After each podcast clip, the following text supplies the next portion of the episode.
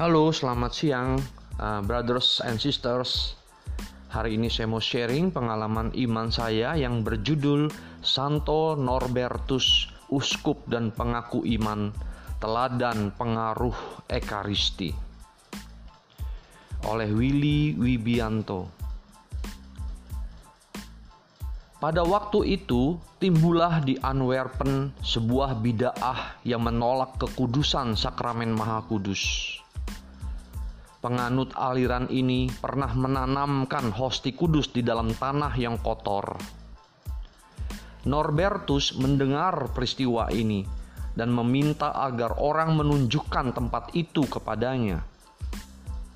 Lalu ia segera pergi ke tempat itu untuk menggali kembali hosti kudus yang dikuburkan itu.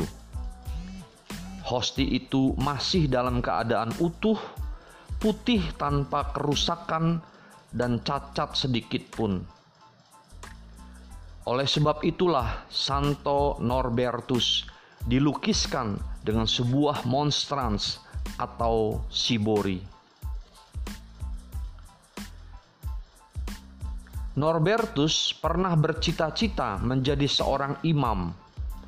Lalu ia ditahbiskan menjadi diakon. Tapi walaupun sebagai seorang diakon, hidupnya semakin lama semakin tidak baik.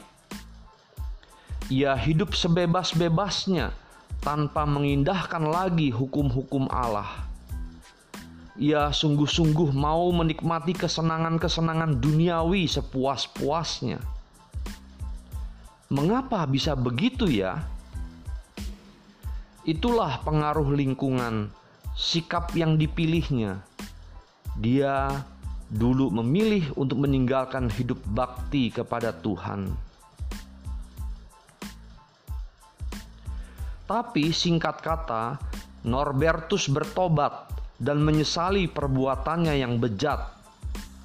Bukti pertobatannya adalah dia kembali menjalankan latihan rohani yang keras di bawah pimpinan seorang abbas Benediktin. Ia pun belajar dengan tekun sehingga ditahbiskan menjadi imam. Sebagai seorang imam, ia juga bertugas mewartakan Injil dengan mengajar dan berkhotbah. Namun, karena kebejatan hidup masa lalunya yang tidak patut dicontoh, ia dianggap sebagai seorang munafik. Tapi ia terus melanjutkan pekerjaannya dan atas izin Paus, Norbertus berangkat ke Perancis dan berkarya di sana sebagai seorang imam di tengah-tengah umat sederhana di pedalaman. Ia membagi-bagikan harta bendanya kepada kaum miskin dan ia sebaliknya menggantungkan hidupnya pada kebaikan hati para dermawan. Hidupnya yang miskin, saleh, dan bersemangat rasul itu menarik banyak murid kepadanya ia memulihkan ketertiban di dalam gereja dan memperbaiki taraf hidup rohani para imam.